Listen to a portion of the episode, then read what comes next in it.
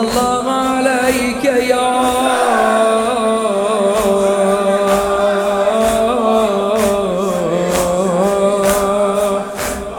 مظلوم.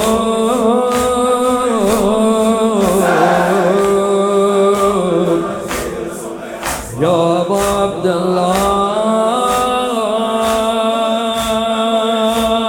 فردا حسن سر می‌دهد. فردا حسین سر می‌دهد.